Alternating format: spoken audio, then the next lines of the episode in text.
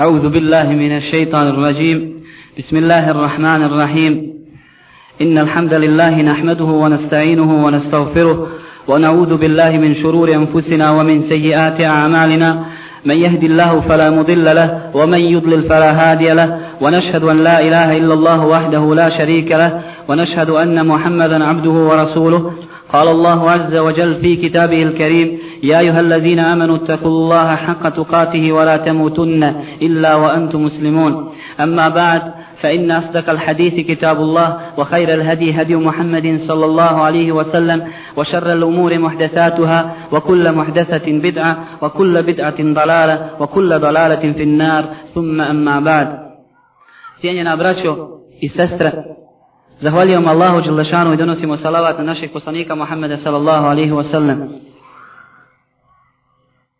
Zahvaljujem Allahu Đelešanu što nam je dozvolio da se u ovakvom lijepom broju iskupimo ovdje kako bismo učili jedni od drugi, savjetovali jedni drugi i podučavali jedni drugi Allahu i Đelešanu u vjeri. I molim ga da nam tu blagodat održi i očuva i da muslimani na ovim prostorima a, dožive boljitak za ovu vjeru, kada će oni moći i gdje će moći ispoljavati svoju vjeru, ispoljavati svoje osjećaje. Kao što ste čuli, tema našeg današnjih predavanja, našeg prvog predavanja, je greške u odgoju djece. Djeca su emanet na plećima roditelja i roditelji će biti pitani za taj emanet. zanemarivanja odgoja djece i neispunjavanja njihovih prava je pogreška zanemarivanja ovoga emata kojeg smo malo prije spomenuli i manjkavost u vjeri.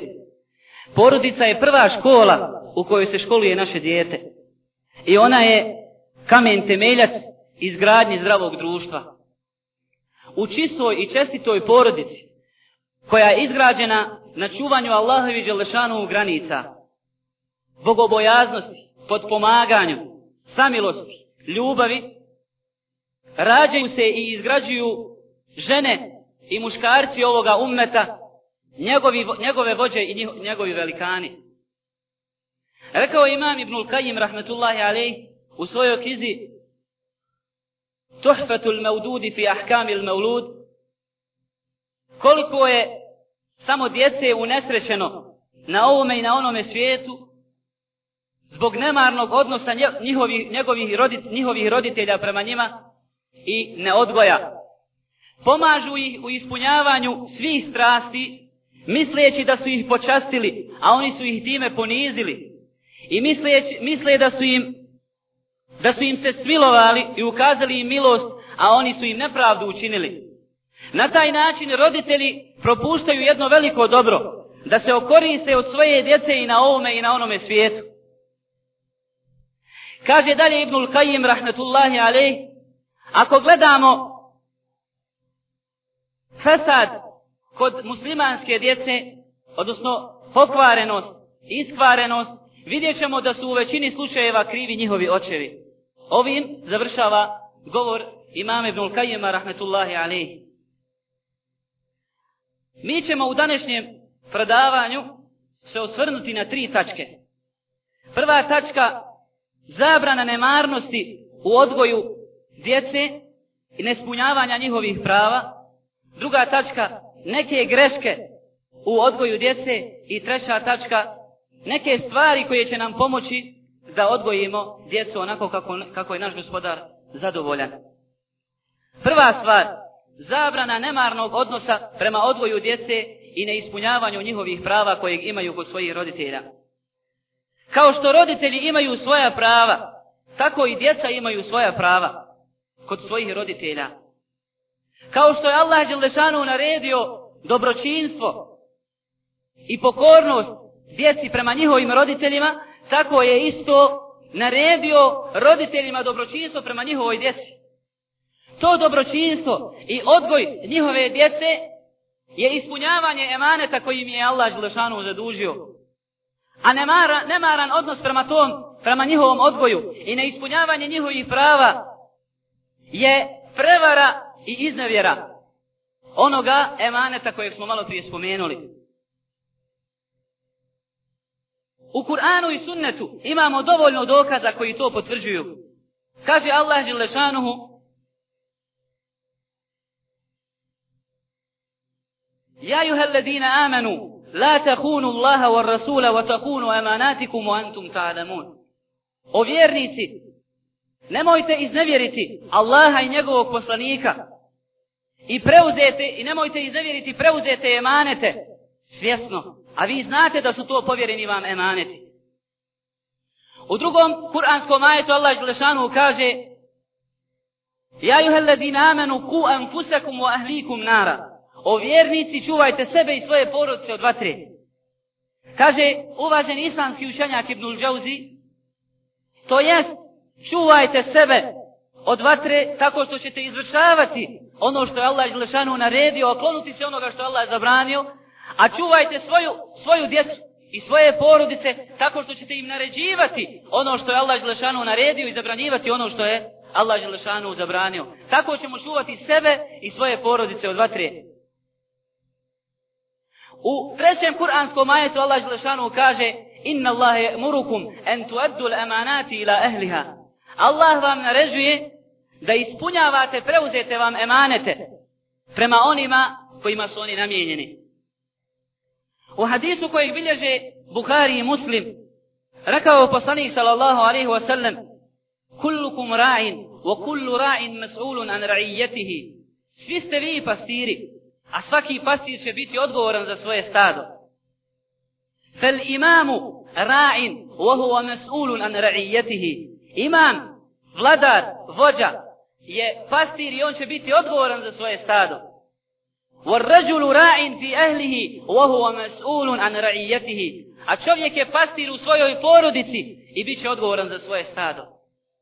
A u drugom hadisu, kojeg također bilježe Bukhari i Muslim, od Makela ibn Jesara radijallahu anhu navodi se enne abd ubejdillah ibn Zijad zarahu fi meradihi alladhi mate fihi navodi se ome hadisu da ga je jedan od ashaba ubejdillah ibn Zijad zijaretio dok je bio bolestan dok je bio na samrtnoj posteli fa kale lahu inni uhadithuke hadithan sami'tuhu minan nabiji sallallahu alaihi wasallam ispričat ću ti hadis kojeg sam čuo od Allahov poslanika sallallahu alaihi wasallam سمعت النبي صلى الله عليه وسلم يقول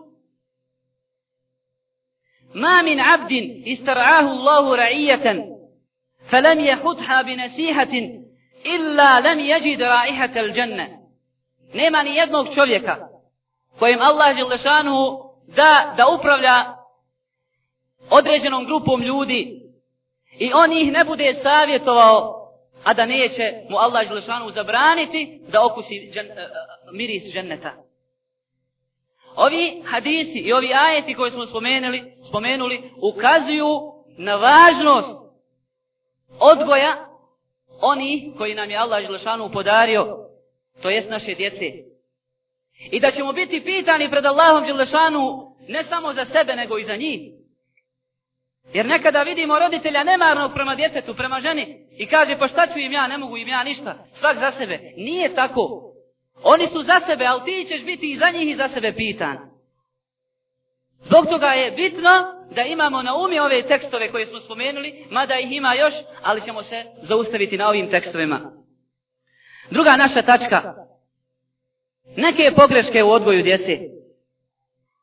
I pored veličine ove odgovornosti, i pored to toga što je ova odgovornost velika, To jest odgovornost odgoja djece, bilo muške, bilo ženske, ljudi se igraju sa tom odgovornošću. Ne daju joj njenu, ne pridaju joj njenu, ne pridaju joj dovoljnu pažnju i ponižavaju je. Vidiš ih nemarne, nemarne prema njihovoj djeci.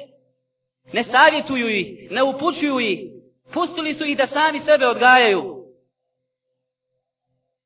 Ne uče ih onome što će im dati koristi na ovome i na onome svijetu. A kada se desi kakav problem, Kada dijete napravi nekakav problem, kada se ljudi požele na njega, onda kori dijete. A on je glavni i osnovni, i osnovni uzrok u takvom ponašanju djeteta. Kao što kaže jedan od pjesnika, El qajtehu fil ma'i mektufen, summe kulte lehu, ijake o ijake enteptelle bil ma'i. Bacio si ga svezanog uvodu, a zatim si mu rekao, teško tebi, nemoj se smokriti. Tako i roditelji bace svoju djecu u more zabluda, strasti i kada djete zaluta i kada ne bude na pravom putu, kaže ona su kriva. A roditelj je glavni, glavni kriva za to. Zbog toga ćemo mi upozoriti na najbitnija zastranjenja u odgoju djece.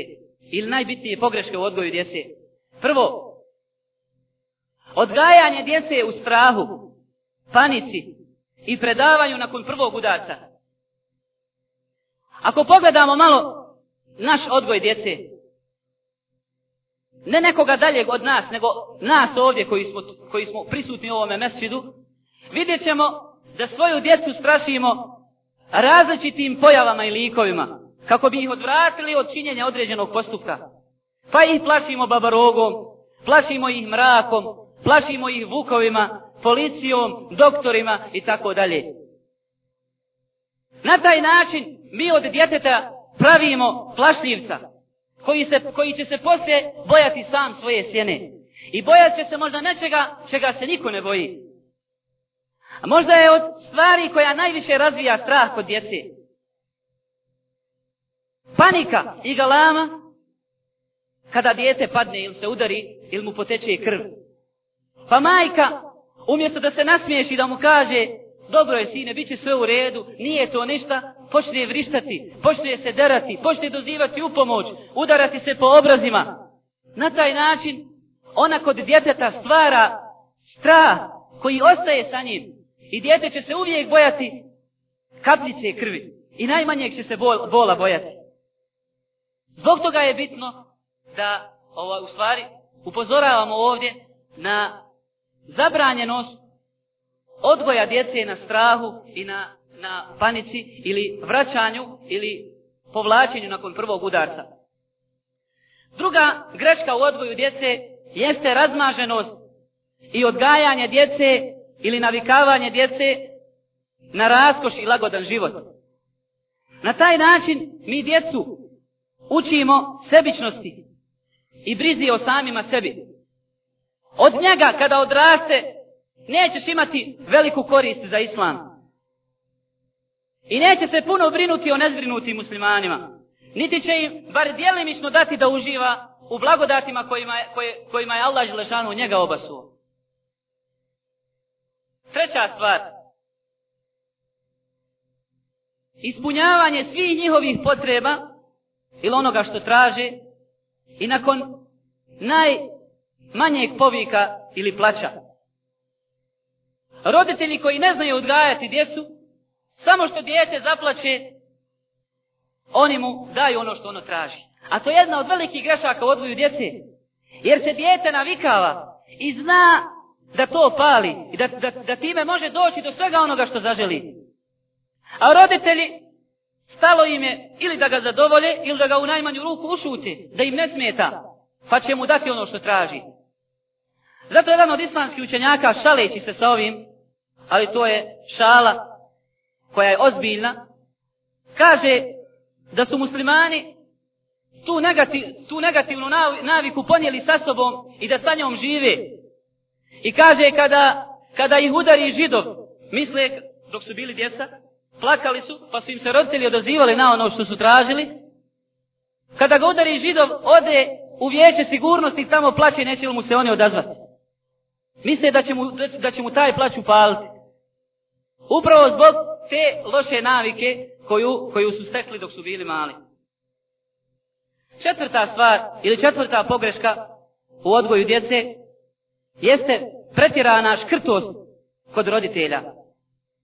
Neki očevi su pretjerano škrti prema svojoj djeci.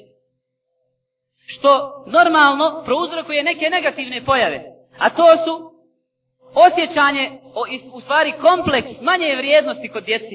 Djeca osjećaju se time manje vrijednim, osjećaju se bijednim, osjećaju se siromašnim, iako njihovi roditelji posjeduju i metak, posjeduju novac. Mogu im uzeti bar osnovne stvari koje posjeduju druga djeca, ali zbog pretjerane škrtosti i pohlepe neće da im obezbire to.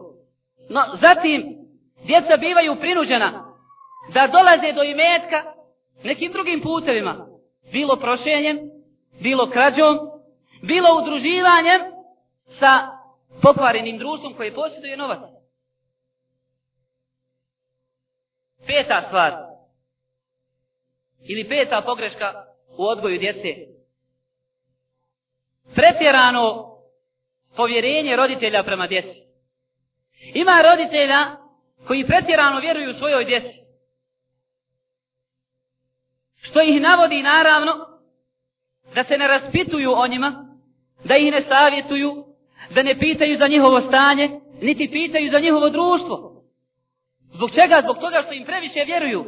I ne možeš ih uvijediti da, njegovo, da njihovo dijete griješi. Ne možeš ih uvijediti da je njihovo dijete učinilo grešku, da je učinilo zulum ili da je zastranilo u islamskom ponašanju ili vjerovanju. A kada ga upozoriš, jer ne može svak, Znači, ne, ne, neće niko trpiti tuđu djecu. Kada ga upozoriš da njegovo dijete radi određene, da čini određene probleme ljudima, da nanosi nepravdu, počne ih bra, počnu braniti svoju djecu. I napadati ove i optuživati ih da su, da pretjerivaju. Pa to su djeca, nemojte pretjerivati. Zatim da ih optužuju da su požurili i na kraju krajeva im kažu šta se vas tiču naša djeca. Muslimani su jedno tijelo i mi se moramo brinuti jedni, jedni, od, jedni od drugima. I moramo se brinuti o djeci naše, naše braće i sestara. Nismo odvojeni jedni od drugih, jedno smo tijelo. Zato nema niko pravo da kaže nemoj mi se miješati. Nemoj mi se miješati u moj život ako, ako se njegovo dijete bude savjetovalo i bude se tražilo od njega da popravi svoje dijete. Ali vidimo zbog tog pretjeranog povjerenja roditelja prema, prema njegovom djetetu, roditelj ne prihvata njegove greške i kritikuje druge zbog toga što su mu napali djete, ne do Bože. Šesta stvar, ili šesta pogreška u odgoju djece, razlikovanje među djecom, pravljenje razlike među djecom. Bez obzira da li, ta, da li to razlikovanje bilo moralnog karaktera ili materijalnog karaktera.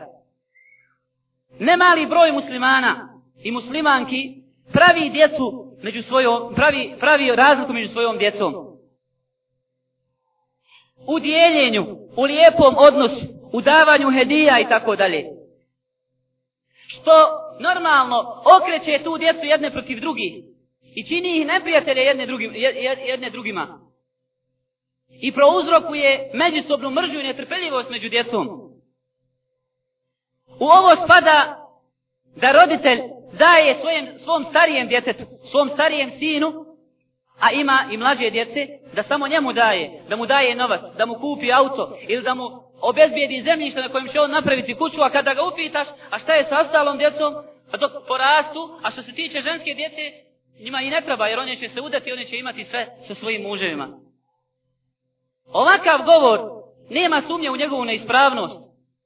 I on vodi širenju nepravde među djecom. A poslanik sa oselem je zabranio nepravdu među djecom. I naredio je pravednost i jednako davanje i dijeljenje. Ovaj koji, koji se na ovaj način opravdava, postavljamo mu pitanje. Ko ti garantuje da će tvoja manja djeca odrasti, da ćeš im imati priliku dati novac? Ili ko garantuje da ćeš ti biti živ? Ili ko garantuje da ćeš ti imati tada novac i da ćeš biti bogat. Zato po šarijatu, draga braćo i cijenjene sestre, ne smije se praviti razlika među djecom. I mora se, kada se da jednom djetetu, mora se dati i drugom djetetu. A ako slučajno roditelj da jednom djetetu, to ostaje kao dug na tom, na tom djetetu. Ili mu se odbija od zaostavštine koja ostaje iza njegovog oca. S time da postoji razlika između skrbništva i dobrovoljnog dijeljenja. Kada je u pitanju dobrovoljno dijeljenje, roditelj mora jednako davati djeci hedije. Ako kupi jednom djetetu auto, mora i drugom kupiti. Ako jednom napravi kuću, mora i drugom napraviti kuću. Ako jednom kupi kravu, i drugom mora kupiti. Šta god obezbijedi jednom djetetu, bez obzira što se radilo o muškoj ili ženskoj djeci, nema razlike. Mora obezbijediti svojoj djeci ako se radi o dobrovoljnom davanju. A ako se radi o skrbništvu, pošto je roditelj obavezan da se skrbi o svojoj, da, da, da se brine o svojoj djeci, onda ako ima boga, bogati i siroma, ako ima bogate i siromašne djece, dozvoljeno mu je da da siromašnima, da ne da bogatima. To znači ako se radi o skrbništvu, jedno od djece ne može da napravi kuću, a drugo može, u tom slučaju ocu dozvoljeno da da ovome djetetu koje ne može da napravi kuću. Tako da se ne pravi Znači, da se, da se ne, ne brkaju ova dva pojma ili ove dvije stvari. Ako se radi o dobrovoljnom davanju, onda djeca moraju biti jednaka, a ako se radi o obaveznom davanju, onda je roditelju dozvino da da siromašnom, a da izostavi bogato djete. Od grešaka u odgoju djece jeste srđba prilikom rođenja ženskog djeteta. Ovo je prije svega, prije nego što je ubrojimo, i okarakterišemo kao grešku odgoju djece, ovo se smatra kajskom greškom, greškom u islamskom vjerovanju. Vidjet ćeš danas neke očeve, kada im se donese vijest da mu se rodila kćer, osjeti se nelagodno, počne izražavati vijest, osjeti tjeskobu u prsima i nikako ne može se pomiri s time. Nema sumnje da ovako ponašanje suprotno islamu i da je podudarno onome ponašanju na kojem su bili predislamski Arabi, za koje Allah Želešanu kaže وَإِذَا بُشِرَ أَحَدُهُمْ بِالْأُنْسَ غَلَّ وَجْهُ مُسْوَدًا وَهُوَ كَذِيمٌ A kada se nekom od njih donese vijest da mu se rodila kćer, njegovo lice potvr, pot, potvrni i vidiš ga tužnim. يَتَوَارَ مِنَ الْقَوْمِ مِنْ سُوِ مَا بُشِرَ بِهِ E jumsikuhu ala hunin, em jedusuhu fit turab. Sa'ema jahkumun. Kaže, vidiš ga kako se skriva od ljudi zbog zla kojim je obaviješten. Ne zna hoće li, hoće li zadržati to dijete ili će ga zakopati u zemlju, ali loše je kako oni prosuđuju. Čudno, čudno li je današnje vrijeme? I čudno je to što se ona u nekim stvarima podudara sa predislamskim periodom. Ako bismo posle, posjetili bolnice, porodilišta među muslimanima i malo pratili njihove izraze lica ili njihov govor ili njihovo stanje nakon što im se donese vijeza im se rodila, rodilo žensko dijete, vidjet ćemo ono što se moglo vidjeti kod predislamskih harapa. Nelagodnost, pocrni, pocrni ili pocrveni lice, osjetite, osjetite gobu, ljut je i tako dalje. Zbog toga ovakva pojava ili ovako ponašanje je zabranjena. Zbog toga što sa sobom nosi više ružnih stvari. Prvo, nezadovoljstvo Allahovim želešanu kaderom. Allahovom odredbom, što je jedan od stubova ove vjere. Čovjek koji nije zadovoljan time što mu se rodilo žensko djete, Nije zadovoljan Allahovim kaderom, a to narušava njegov iman. Nije to nešto što je odvojeno od njegovog imana, nego direktno utiče na njegov iman. Druga stvar, nezahvalnost Allahu Đelešanuhu. Jer Allah Đelešanuhu ti daje poklon koliko ima onih kojima Allah nije dao ni muško ni žensko dijete. Pa i pored toga zahvaljuju Allahu Đelešanu, a tebi Allah Đelešanu dao poklon, obskrbio te djetetom, a ti si mu nezahvalan. I kada bi se Allah Želešanu rastrbio na tebe, samo zbog toga bilo bi dovoljno. Jer si mu, ne, si mu nezahvalan na njegovom poklonu. Zatim, treća stvar, to je optereća, opterećavanje žena sa nečim što one ne mogu učiniti. One nisu krive što su rodile žensko dijete. One nemaju izbora u tome.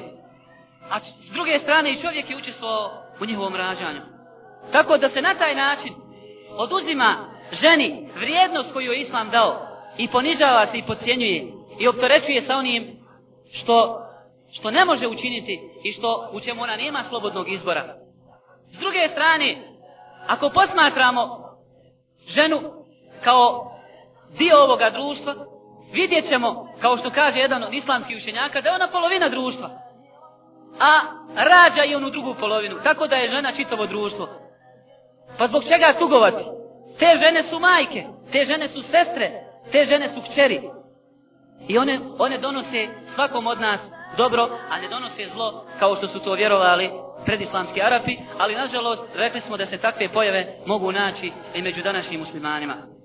Sljedeća negativna pojava u odgoju djece ili pogreška jeste upućivanje dove protiv djeteta ili proklinjanje djeteta.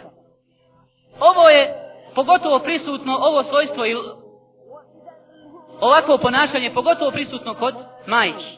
Tako da će za, za malu stvar proklinju svoje dijete. Zove protiv njega. Traže da ga Allah Želešan ubije, da ga nema, da ga, da ga udari auto, da Bog da te pogodilo ovo ili ono. A nije svjesna, možda u tom trenutku, a možda nije uopšte, uopšte svjesna, da Allah Želešanu se može odazvati toj dovi i uslišati je, kao što ćemo navesti primjer za ovo. Kaže poslanik sallallahu alaihi wa sallam u hadisu koji bilježi ima muslim La tedu ala enfusikum ولا تدعوا على أولادكم ولا تدعوا على أموالكم nemojte upućivati dovu protiv sebe niti protiv svoje djece niti protiv svog imetka لا توافقوا da, dalje nastali apostolik sa osallam ولا توافقوا ساعة من ساعات الله يستجيب فيها فيستجيب دعاءكم nemojte da potrefite sat u kojem se Allah Želešanu odaziva, jer postoje određeni, postoje posebni trenuci u kojima se Allah Želešanu odaziva, nemojte da potrefite trenu, taj trenutak pa da vam se Allah Želešanu odazove i prihvati vašu dovu. Kada budete prokleli vaše dijete, da ono stvaru bude proklet. Ako, bude, ako, budete izazva, ako budete tražili da mu se nešto dogodi, da mu se to dogodi. Slušao sam šeha Jahju, poznatog islamskog učenjaka, Idaju, i bivšeg dekana Islamskog univerziteta u Medini, da je sin tražio od oca u 12 sati na veće da malo se provoza u autu da se odmori. Otac mu nije dozvolio. On je uporno tražio od njega i na kraju otac ljutito pristao i rekao mu idi da Bog da se ne vratio. Kaže, dijete je otišlo i na prvom na prvoj raskrsnici desila se saobraćajna nesreća njegovom djetetu. Otac je čuo za saobraćajnu nesreću, otišao je na mjesto, pošto je, pošto je to bilo blizu njegove kuće, i našao je svoga, svoje djete mrtvim. Kajao se, ali kajanje je tada kasno. Tako da roditelji moraju paziti šta govore svojoj djeci. I da kada upućuju dovu, da upućuju uvijek dovu za hajr, pa makar djeca bila loša, da upućuju u Allahu Želešanu dovu za njih, da ih uputi, da ih, da ih vrati na pravi put od grešaka u odgoju djece je činjenje grijeha pred djecom, odnosno činjenje određenih zala pred djecom. Kao što su pušenje, slušanje muzike, razgolišavanje, pogotovo pred ženskom djecom, što nor, ili izlazak iz kuće od strane majke bespotrebno, što normalno djeci biva loš uzor i djeca nastoje slijediti svoje roditelje u tome. Ovdje bi pogotovo skrenuo pažnju majkama da se prikladno oblači pred, svojim, pred svojom djecom, pogotovo ženskom djecom. Da ne oblače pred njima kratko, niti tijesno, niti prozirno. Prije svega, što na taj način bivaju loš uzor svojoj djeci, a s druge strane što je to zabranio poslanik sallallahu alaihi wasallam. Poslanik sallallahu kaže da neće, da dvije vrste ljudi neće više vidjeti i da će biti od stanovnika džehennema. Jedna od njih je, su žene gole, a obučene. Ovaj dio hadisa nas interesuje. Kaže poslanica u sredem, žene koje su gole, a obučene. Kaže poznati islamski učenjak Muhammed ibn Salih al u komentaru ovoga hadisa, da se pod gole obučene misli na tri vrste žena. To su žene koje oblače prozirnu odjeću, žene koje oblače tjesnu odjeću i žene koje oblače kratku odjeću. Zato upozoravam sestre da A nije poslanik sa selem ograničio da se to odnosi na ljude, da se to odnosi na određenu grupu ljudi, nego je uopšteno rekao da će ta, da, da će ta grupa, da, da, da će ta vrsta ljudi, da, da je poslanik sa selem više neće vidjeti nakon što ode sa ovoga svijeta. Isto to važi i za njihovo odjevanje pred sestrama muslimankama. Ne, smiju, ne smije se dozvoliti da se oblače pred njima da pred njima oblače tjesnu odjeću ili prozirnu odjeću ili kratku odjeću. Zbog toga što na taj način bivaju loš uzor jedne drugima i čine, čine prijestup ili ovaj suprostavljaju se ovome hadisu koji smo spomenuli. Od pogrešaka u odgoju djece jeste obezbjeđivanje svega onoga što može, biti, što može negativno uticati na odgoj djece. To, to, to je izražajno pogotovo u, u našem vremenu kada roditelji obezbjeđuju svojoj djeci sve ono što je u trendu, kao što su video igrice, satelitske antene, TV, igračke koje nose različita nevjernička obilježja i tako dalje. Roditelji učestvuju na taj način u njihovom kvarenju, jer oni time ne uzdižu svoju djecu, niti im ukazuju počast nego ih ponižavaju na taj način kao što smo to naveli iz govora imama Ibnul Kajima. Kada kaže, oni misle da ih na taj način, da ih, da ih časte, da im čine počast, a oni ih ponižavaju i misle da im ukazuju milost, a oni, oni im nepravdu čine. Zato i na roditeljima u ovome vremenu, bez obzira u kakvom mi vremenu živjeli i do čega sve moderna, moderna nauka došla, I do čega sve čafiri došli, mi ne smijemo slijediti nevjernike u onome što štetno djeluje po našu djecu i po njihov odgoj. I što može koštati i nas i njih, Allahove Đelešanu u sržbe ili njegove kazne. To su bile neke najznačajnije greške koje se čine u odgoju djece, a za kraj ostavljamo znači i treću tačku u kojoj ćemo spomenuti neke stvari koje nam pomažu da ispravno odgojimo svoju djecu. Ili bar djelimično učestvujemo u njihovom ispravnom odgoju. Prva stvar, prva stvar koja puno utiče na ispravan odgoj djece jeste izbor časne i čestite supruge. Vjerniku ne dolikuje, niti mu priliči da kada se odluči na ovakav jedan krupan korak, kao što je brak, da ne učini istiharu, da ne zatraži od Allaha Đelešanu pomoć u onome što je odlučio i da se ne savjetuje sa učenim ljudima ili sa ljudima koji imaju iskustva u pitanjima braka. To ne priliči, ne priliči vjerniku. Zbog čega? Zbog toga što žena ima veliki uticaj i na djecu i na čovjeka. Djeca se odgajaju u njenom krilju, u njenom krilu i sa njom i poprimaju njene osobine, da li bile one loše ili bile dobre osobine. Isto tako žena može pozitivno, odnosno negativno utisati na čovjeka. Zato se spominje u jednom arapskom primjeru da je čovjek na vjeri svoje žene. Inače, mi znamo da u hadisu kaže poslanik sa selem da je čovjek na vjeri svog prijatelja. Ali u ovome primjeru se spominje da je čovjek na vjeri svoje žene. Zbog toga što čovjek, zbog prevelike ljubavi ili sklonosti ka svojoj ženi, ne suprostavljaju se u onome što ona zatraži od njega. I ako žena bude je hajirli, i bude od njega tražila ono što što traži njegov gospodar, može ga popraviti. Zato je čovjek na, na vjeri svoje žene. I više žena utiče na čovjeka nego čovjek na ženu. I zato je bitan izbor čestite i četne supruge. Kaže Ebu Aswed Adueli, poznati islamski gramatičar i stilističar svojoj djeci.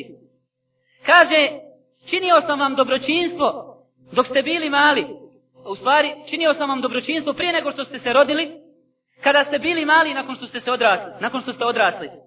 Kaže, kako to? Nije im bilo jasno kako im je činio dobročinstvo prije nego što ste se rodili. Kaže, odabrao sam vam majku zbog koje nećete biti kuđeni i psovani. Tako da je ovo jedna od bitnijih stvari u koja, znači koja utiče na ispravan odgoj djece. Druga stvar koja utiče i koja pomaže uspravno odgoju djece jeste da čovjek traži od Allaha Đelešanu da mu podari čestito potomstvo. Ovom dovom je protkan Kur'an. Vidimo Allahove poslanike, alaihimu salam, da traže od Allaha Đelešanu da ih obskrbi čestitim potomstvom, da im da čestito potomstvo. Pa kaže Zekerija, alaihimu salam, u suri Ali Imran, Hebli mille dunke zurrijeten tajive, inneke se mi u dua. I podari mi čestito potomstvo od tebe, jer ti si onaj koji čuje dove, koji čuje pozive svojih robova. A u suri Furkan se spominje da je jedno od svojstava kojim se karakterišu u vjernici, da mole Allaha Đelešanu da im podari lijepo potomstvo. وَالَّذِينَ يَكُولُونَ رَبَّنَا هَبْلَنَا مِنْ أَزْوَاجِنَا وَذُرِّيَاتِنَا كُرَّةَ أَعْيُنٍ وَجْعَلْنَا لِلْمُتَّقِينَ إِمَامًا Gospodaru naš, učini nam radost u našim porodicima, porodicama i potomstvu. I učini nas predvodnicima bogobojaznim. Treća stvar koja pomaže u pravilnom odgoju djece jeste upućivanje dove za njih.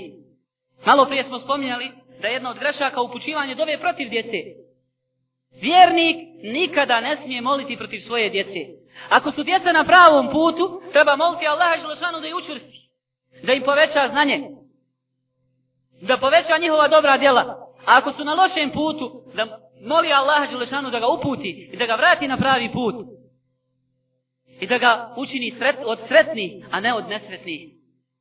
Sljedeća stvar koja pomaže u ispravnom odgoju djece jeste zasađivanje ispravne akide u njihovim srcima dok su još mali.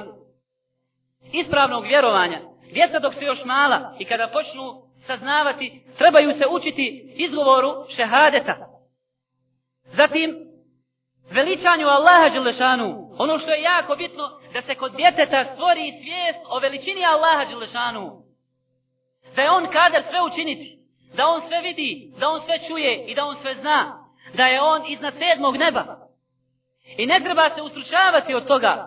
Neko će reći, pa djeca to još ne razumiju. Ja ću navesti primjer Abdullaha ibn Abbasa, u trećoj ili četvrtoj godini, kada je klanjao sa Allahovim poslanikom, sallallahu alaihi sallam, kako je razumio određene stvari. Pa kaže, navodi imam Bukharija, da je Abdullah ibn Abbas klanjao sa poslanikom, sallallahu alaihi wa sallam. I stao, stao je pored njega i malo je odmakao svoje noge od njegovih nogu. Poslanik sallallahu alejhi ve sellem ga je povukao izravnao sa sobom, a on se ponovo vratio. Kada su završili namaz, pitao ga je poslanik sallallahu alejhi ve sellem: Zbog čega si to uradio, a ja sam te povukao naprijed? Kaže, ti si Allahov poslanik, kako meni doliko je da ja stanem ravno sa tobom?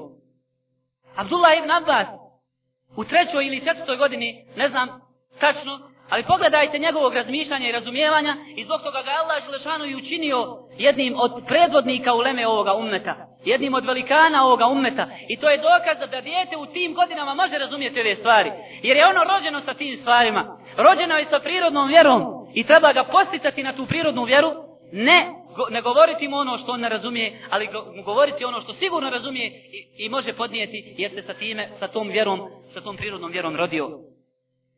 Zatim,